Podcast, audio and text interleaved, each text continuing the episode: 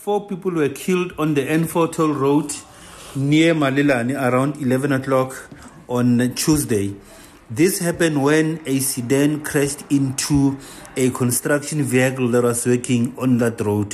Three of those who died uh, include the driver of the sedan as well as two of his passengers, while the fourth person is the driver of the construction vehicle. They were all declared dead at the scene of the crash.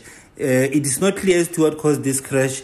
However, the investigation is already underway.